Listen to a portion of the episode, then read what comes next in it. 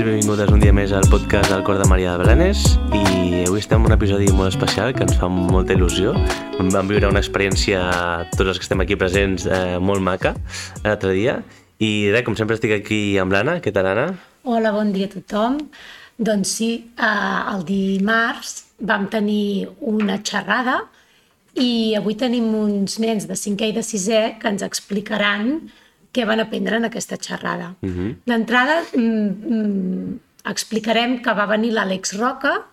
I qui és l'Àlex Roca? A veure. L'Àlex Roca és un esportista que ha corregut en diverses maratons i eh, carreres de bici, que té una discapacitat i és que té una paràlisi cerebral, cerebral del 76% i no pot parlar i la seva dona fa d'intèrprete perquè es pugui no, explicar-se per la gent que no parla llenguatge de signes. És una persona que és molt forta mental i, emoci mental i emocionalment perquè, eh, tot i amb la seva discapacitat, ha aconseguit fer unes coses molt increïbles. Mm. Molt bé. I en Mijail vol apuntar Però, alguna altra bueno, cosa? És que no ens hem presentat. No, és veritat. No hem dit qui som. Tot això que ens has explicat, tot això que, que hem escoltat ara, ens ho ha dit la Mar. Mar la Mar Fontalba, de sisè. I també tenim en... En Mijail. Que també és de sisè, i dos companys de cinquè, que si voleu dir el vostre nom. Jo sóc en Jordi i jo sóc l'Alison.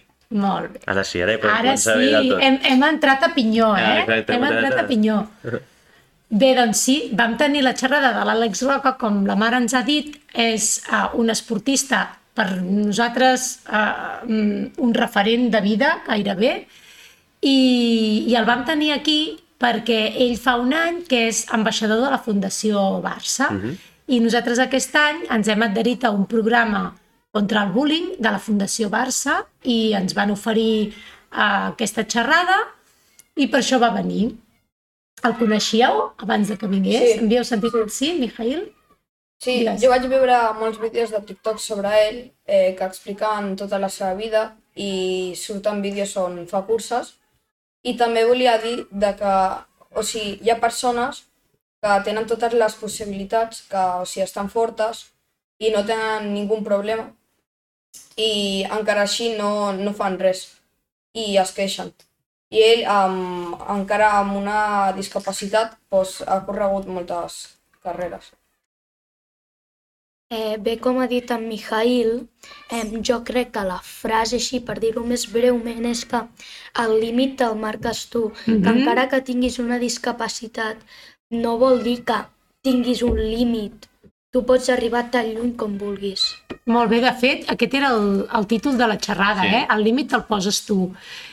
Digues, Marc, digues. Um, jo eh, crec que eh, l'Àlex Roca és una persona que parla de la seva discapacitat com algú, doncs, no tan dolent, no? Perquè diu que gràcies a la seva discapacitat ella estaven allà, no? Parlant amb nosaltres i explicant-nos el seu missatge. I me n'alegro molt de que hagi pogut estar aquí i transmetre el missatge, perquè és un missatge molt bonic que ens pot servir a tots. Mm. Um, I és una de les persones més fortes que hi ha perquè um, quan va tenir ell tenia un herpes al mm. cervell. Va tenir un herpes amb sis mesos. Eh? Ell va néixer mesos. sense... Ell, ell va néixer bé, sense mm -hmm. cap malaltia ni res, però va agafar un herpes al cervell amb sis mesos i no hi havia cura, però els metges li van oferir una injecció i li van dir als seus pares que aquella injecció només podia aconseguir o que es morís o que es quedés vegetal, era l'única opció, i doncs eh, li van ficar, però, però ell es va anar recuperant i després li van dir que mai caminaria. Mm. Però al final va aconseguir fer maratons i tot. I el més sorprenent és que li costa caminar, però córrer no. Clar, caminar. Uh, quan el vau veure entrar, ell us va preguntar què heu pensat quan m'heu vist entrar? Com, què, què, què vau veure vosaltres? És una persona que físicament és molt diferent a vosaltres, oi que sí? Ens va ensenyar el peu, eh? Es va ensenyar el peu, té un peu, un turmell completament doblegat, camina coix, eh? una mà la té paralitzada, un braç, que sí, va estar enganxat al cos, la fesomia de la cara també és molt diferent perquè no pot gesticular bé i fins i tot li cau la bava, o sigui que és una persona, sí, eh, que vam dir? Sí. Ell va dir, segur que quan m'heu vist, què heu, heu pensat? pensat? Pobret, però ell no pensa així d'ell. Ell pensa que mm, quina sort que té de poder estar allà Mm -hmm. i no, mm, jolín, jo estic aquí però estic així. Clar. Tot i que a vegades, òbviament, tothom ho pensa, no? Bueno, segur que té moments que, Sí. que Sí, li fa deia. ràbia, no? Perquè que ell no sempre està pensant així, no? Que a vegades Clar. també diu, ostres... M'agradaria poder parlar. Sí, exacte. clar. Que sempre té aquesta mentalitat positiva que, que és el seu. Al final la vida és així, no? Té alts i baixos i no sempre podem estar pensant en positiu i ho hem d'acceptar. I segur que hi ha moments que té ràbia i que té mm, mm, frustració, eh? Digues, Alison. La veritat és que quan va arribar em feia molta por perquè mai he vist una persona eh, com l'Àlex Roca, però quan ha dit que eh, segurament us faré molta pena, però la veritat ell no pensa així. Ell no pensa així mateix. I ens va canviar molt l'opinió a la gent, no? Que pensàvem així, potser. Sí. Una cosa que em va agradar molt és que ell valora molt les coses perquè Mm -hmm. segurament ningú de nosaltres i doncs que mai ha pensat que quina sort tenim de caminar perquè hi ha gent que no pot caminar. Mm -hmm. Quina sort tenim d'anar a l'escola. Mm -hmm. Quina sort tenim de poder parlar, de poder... Tot, tot, totes aquestes coses que nosaltres ja donem per suposades, Exacte. no? Que les tenim ja eh, sense haver de- d'esforçar-nos, sense haver de fer res, no? I ell deia que, que per exemple, per anar amb bici, mm, mm, que feia 5 anys que havia aconseguit anar amb bici, vosaltres eh, aneu amb bici des de que éreu petits, eh, que sí? Mhm. sí. I va dir que la primera vegada que va anar amb bici va ser en tàndem Mm -hmm. fa 5 anys. Doncs clar, ens va, ens va ensenyar a, a, a ser agraïts, no? I si, si em permeteu, és que tenia moltes ganes de parlar, però volia dir un parell de coses que tenia apuntades. És que a, a mi el que més em va agradar també, no?, és que ens va fer participar tots molt Molt. i, i inclús els mestres que estàvem allà, no? Ens feia també Sí, parlar. sí. I sí que és veritat que en un moment, per exemple, va preguntar que, que creiem que era discapacitats o si creiem que nosaltres també érem discapacitats, no? I aquí Exacte. recordo que va, interven, va, va intervenir en, en Framis i va dir que sí, que ell creia que era discapacitat perquè mm, ell entén com a discapacitat algú que li falta o no pot arribar a fer alguna cosa i a tothom ens falta arribar a alguna cosa sempre, no? És que no tens capacitat per fer alguna cosa Sí. i segur que tots ens falta aquesta capacitat per fer Sí, alguna sí. cosa. Jo vaig tenir una xerrada amb un altre atleta que es diu mm. Xaviosa, mm. que, que a ell no li agradava aquesta paraula perquè era, era, era, era, era, ell era un capacitat, era capacitat de fer tot. No? En Xavi Ossa és un noi que li falta mig braç i que es dedica a fer crossfit, però Sí. ho fa tot. Fa tot, no? I llavors Adaptat, però volia fa trencar amb aquesta primera part de la paraula, no? de discapacitat, doncs ens hem de centrar més en el que podem fer que no en el que no es pot fer, no? Perquè ens hem de, de recordar que al final la seva discapacitat que té l'Aleix Roca és totalment física, no? Totalment. Ell, ell té tota... O sigui, mentalment està, eh, 100%. està lúcid, no? I ja el vau veure, o sigui, al final mm, l'únic que, que té és que té aquesta paràlisi del 76% física, no? Però mentalment és, està totalment... Eh, Sí, és una bèstia. I, i això m'agrada molt, no?, que ens parlés de, de què volia ser, o sigui, què volia dir ser discapacitat, què volia dir ser normal, ens va parlar del fracàs, no?, de, de coses del dia a dia, i, i bueno, jo crec que va ser, com has dit abans, Marc, una de les xerrades que a mi més m'ha marcat, tant com a alumne mm. com, a, com a adult, no? Sí, És a dir, sí. super, super guai. Jo no Bueno, al recordo... final només pots admirar una persona que, bueno, tot, de- amb tot el que ens va explicar, no? Surts d'allà ple, ple d'admiració i, de, i de pensar, ostres, mm, També crec que- que valent. Sí, i, i que eh, també com, com s'entenia tant amb la seva dona, que era la que li intèrpret, Sí, sí. i, i es coneixen molt, no? I sí. tenen una, un vincle i una connexió Mm. que anava més enllà de, de les paraules, totalment. Totalment. Llavors, Ell, de fet, ja ho va dir, diu, qui pot, um, qui de nosaltres pot dir que la seva parella és la seva veu? uh -huh. ell fa xerrades a molts llocs, a empreses, a escoles, i sempre ho fa acompanyat de la seva dona, que és qui li tradueix o qui, que és la seva veu. Sí, també eh, el que m'agradava del missatge era que era molt poc Mr. Wonderful. Això volia dir que no és en plan ser feliç No, i pensa no. positiu i tal, no. No, no. Era, estava tot marcat per la seva experiència i eren missatges com No, no, molt potents. clar, i ell de fet va dir, tot això és fruit de l'esforç, no us penseu, tots aquests que voleu ser esportistes, futbolistes, ja que us vas preguntar què voldríeu ser de grans, Sí, no us sí. penseu que les coses s'aconsegueixen sense esforç. Mm -hmm. Totalment. Digues, Jordi. que va córrer moltes curses l'Àlex Roca mm. i que entre totes aquestes em va córrer la Titan Desert, que mm -hmm. per si no sabeu què vol, és la Titan Desert, és una cursa al desert que costa molt de fer. I al principi, després d'entrenar 5.000, 7.000 quilòmetres, crec que eren, eh, no va aconseguir per problemes de deshidratació, perquè clar, ell no pot xuclar. Mm -hmm. I l'any vinent va entrenar va entrenar a la meitat, però va entrenar hidratació, treball en equip, etc etc. Mm -hmm. ell, ell deia no, que no era tan important la quantitat, mm -hmm. sinó la qualitat. Exacte. Fins i tot, um, un noi va morir quan estaven fent la Titan Desert mm -hmm. i igualment de que... I tothom pensava que era ell, que era sí. l'Àlex que va morir. I quan el van veure van pensar, i què rebut, perquè al tenir una discapacitat el van considerar més vulnerable, més mm-hmm. dèbil, mm -hmm. però en realitat va ser un home que estava completament bé de condicions físiques i mentals, el que passa és que simplement no va poder amb la cursa i mm -hmm. pues, es va morir. Sí, sí. Mm-hmm. Sí, sí, però és veritat, ja donaven per suposat que era ell, clar. que era ell el que no hauria aguantat. Sí, sí. sí. sí. I és, tens raó, Marc, que a vegades fem a les persones diferents més vulnerables. I us en recordeu que ell va dir en un moment eh, que ell, per exemple, a la seva escola es havia sentit molt bé perquè Alison? Perquè eh, està superbé amb el seu cos i tot això i tots els seus eh, companys els hi tractava com una persona normal. Clar, si no el tractaven igual una... que uns altres, no? Que deia, a vegades tendim a sobreprotegir o a, sí. a, a fer més cas, diu, a mi això tampoc m'agrada, perquè em fa sentir malament. Mm -hmm. Mijail? Digues. Eh, L'Àlex Roca, quan va entrar, jo me l'imaginava més diferent. O sigui, el vaig veure normal, no... no... Us en recordeu quants anys té l'Àlex? 30... 31. 31, una persona 30. jove, eh? Sí, sí. Mm -hmm. El vaig veure no, normal, o sigui, no el vaig veure tan diferent. Sí, no, i, i el que tu dius al final trenca amb l'estereotip que tenim de famós, no? Pensem que una Clar. persona famosa és una persona que no és ni persona, no? Que és algú que sempre està amb luxes i que no és ni, ni, ni no el pots ni tocar a vegades, no? I crec que hi trenca molt bé amb aquest estereotip perquè també, va, també vam parlar no, de seguidors, que no li importava els seguidors que té, que no sé quants té, 350.000 o alguna així, sinó que li importava la, la difusió del seu missatge, no?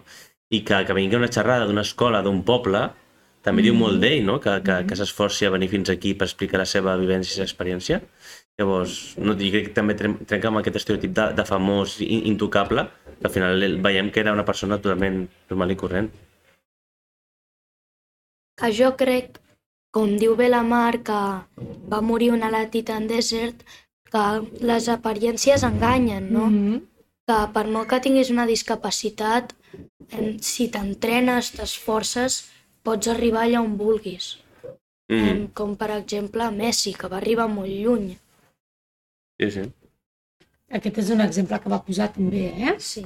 Jo, eh, quan ella ens va explicar tot, totes les seves vivències, el que més em va cridar l'atenció és que no, ex, no ho explicava des d'un punt trist, sinó que ho explicava des d'un punt totalment content i eh, alegre perquè hagi pogut tindre aquest, eh, aquesta vida tan guai perquè, per exemple, ell diu que a eh, la seva escola li va anar molt bé, com, mm -hmm. com m'han dit ara, eh, perquè el tractaven igual.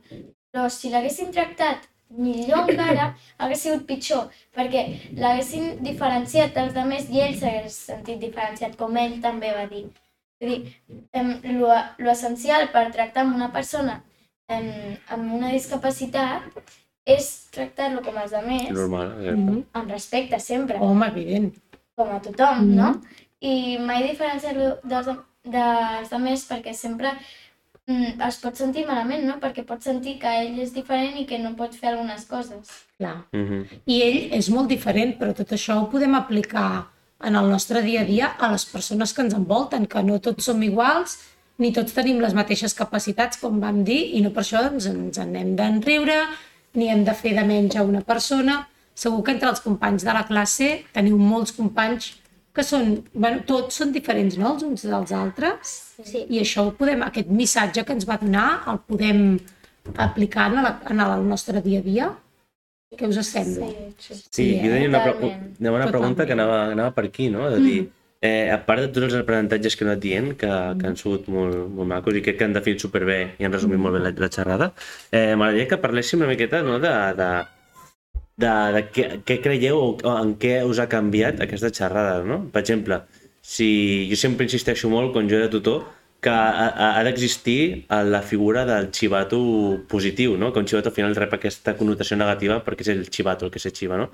però no és totalment el contrari, algú que es xiva d'un problema està fent un bé.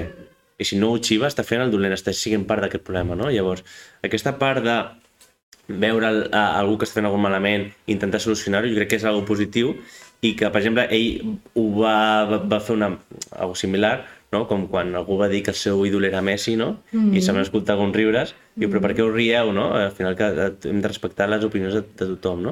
Però vosaltres heu vist també, o, heu, o creieu que hi ha hagut algun canvi de, de visió envers aquests, aquests problemes que poden passar a classe, que hi ha gent que potser doncs, mm, sempre dic que no cal que tots siguem amics però sí companys, no?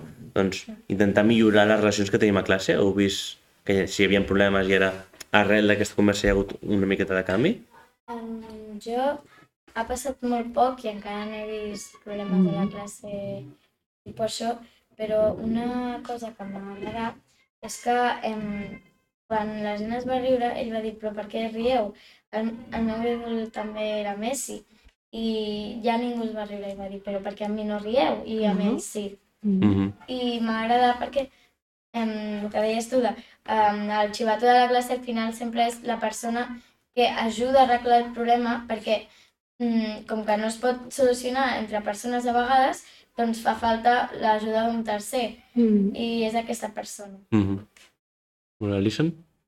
Que l'Àlex Roca, bueno, la seva dona va dir que qui era del Barça i bueno, algunes persones van aixecar la mà. Llavors, alguns van dir qui eren del Madrid i alguns van aixecar la mà i unes persones els miraven com per què sou del Madrid, apoyeu al Barça, no? Perquè, no sé, o sigui, tothom pot escollir amb qui vol anar o a qui li agrada. O... Ja. I què va explicar ell dels rivals? Digues, Mijail. Que és necessari tenir rivals perquè si no, eh, no pots... O sigui, no tens un objectiu a qui guanyar. Clar, si no tens rivals no pots ni, ni, fer, ni competir, ni sí, fer... Si no hi ha rival, no Clar. hi ha competició. Què competiràs contra tu mateix? Clar.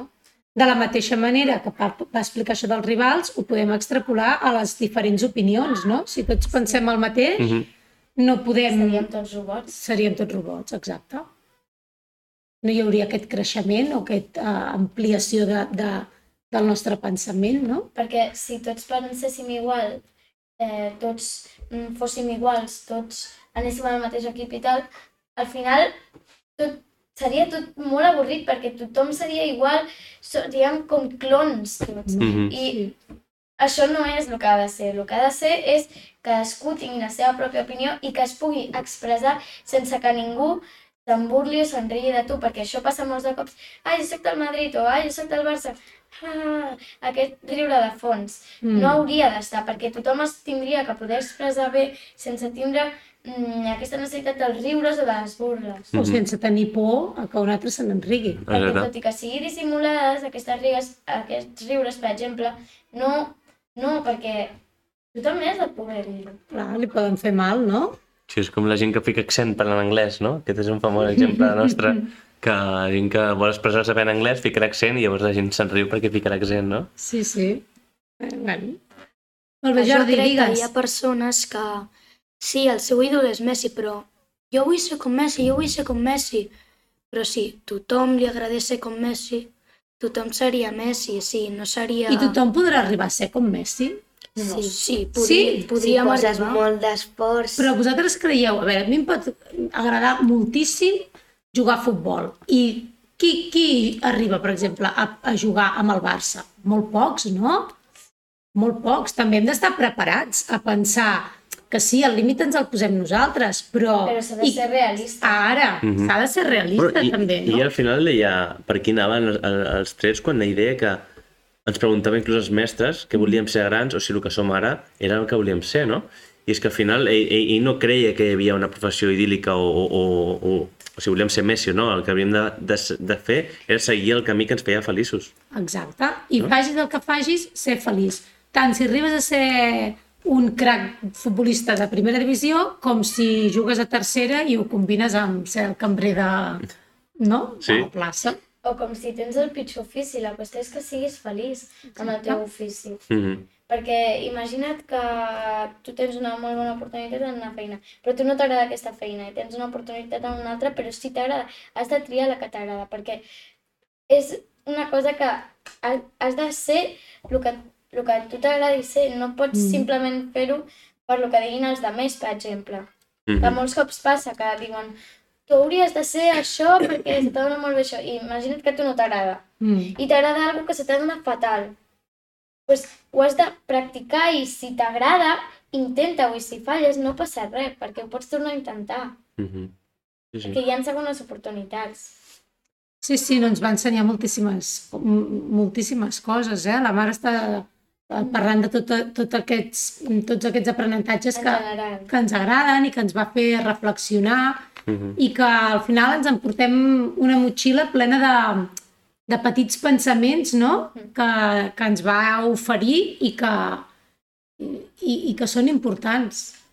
Potser podríem tancar, no? Uh -huh. uh, tu una mica ja ho has preguntat. A veure què ens emportem d'aquesta xerrada. Uh -huh. Què ens emportem? Mijail, què t'emportes tu? Eh, com que... Com... O sigui, quina sensació te n'emportes o, qui, ah. o, què, o aquella frase que te sí. va marcar? Sí, que, o sigui, tot el que ha dit Eh, Què et va impactar? De que es va esforçar moltíssim i, mm. i ara no, no, em queixo, no em queixo per coses petites. Molt bé. Jo, eh, tota la xerrada m'ha encantat, així que em diré que m'emporto una miqueta de tot el que va dir perquè tot és important en aquella xerrada, des de la cosa més petita fins a la més gran. Mm -hmm. I tu, Jordi? Jo m'emporto que el límit el marques tu, em va impactar molt aquesta frase. Mm -hmm. I bé, com diu la Mar, m'emporto petites coses que jo o com tothom que està en aquesta taula pot arribar on vulgui. Mm -hmm. Jo m'emporto això. Mm -hmm. Molt bé. Molt bé. I l'Alison? Jo que perquè siguis una persona mm, no normal, doncs que pots fer el que vulguis, arribar molt lluny o això. Normalitzar la, sí. la discapacitat, no? I, i no veure-ho com, un, com una persona vulnerable que no pot fer res. Sí, no veure-ho com una persona el doble de forta perquè s'està esforçant el doble. Mm -hmm. Molt bé. No sé si tota la gent que ens està escoltant a, el, volen conèixer. A, en el seu Instagram penja moltes, moltes coses que fa i quan va sortir d'aquí, del nostre col·le, ens va preguntar que cap a on s'anava per anar al mar. I justament aquella tarda van gravar, el van gravar corrents per, pel passeig de mar de Blanes i al vespre ho van penjar. Em sembla que era d'un anunci d'una beguda isotònica o una cosa així. No sé. Sí. I bueno, em va, em va fer gràcia perquè dic, mira, ha estat al nostre col·le i sortint s'han anat al passeig de Mar de Blanes, que es veia preciós, perquè Blanes és molt maco, i, i feia aquesta, va fer aquest aquesta publicació a l'Instagram. Em sembla que és Àlex Roca 91. 91, sí. 91. Doncs us animem a que o entreu al YouTube o entreu a les seves xarxes socials i el conegueu una miqueta més perquè el seu missatge és molt, sí. molt, molt xulo d'escoltar. Uh -huh. I com bé dius que eh, si el mires aprendràs moltíssim, mm. o sigui, faràs una, et faràs una persona més gran psicològicament. I mm -hmm. És d'aquelles persones que, que et fa ser millor persona, eh? Sí. I el que és et més fa créixer. Mm. I el que és més important de tot és que tu pots escoltar tot això, però el més important és emportar-t'ho i saber-ho interpretar i utilitzar en les situacions quotidianes. Exactament. Ara, ara ho has dit. Molt, molt bé, Marc. No podem tancar millor. Aquí està. Eh. Perfecte. Molt bé. Doncs, bueno, moltes gràcies. Ha sigut un, un podcast ple de contingut i sobretot un contingut molt, molt important, no?, de creixement personal i de, que, que recomanem que qualsevol persona que escolti, que segur, inclús adults, mm -hmm. els servirà moltíssim. O sigui que res, moltes gràcies per venir a explicar-nos la vostra experiència i res, espero que també ho, ho hagueu gaudit. Doncs vinga, fins una altra, guapos. Adéu. Adéu. Adéu, adéu.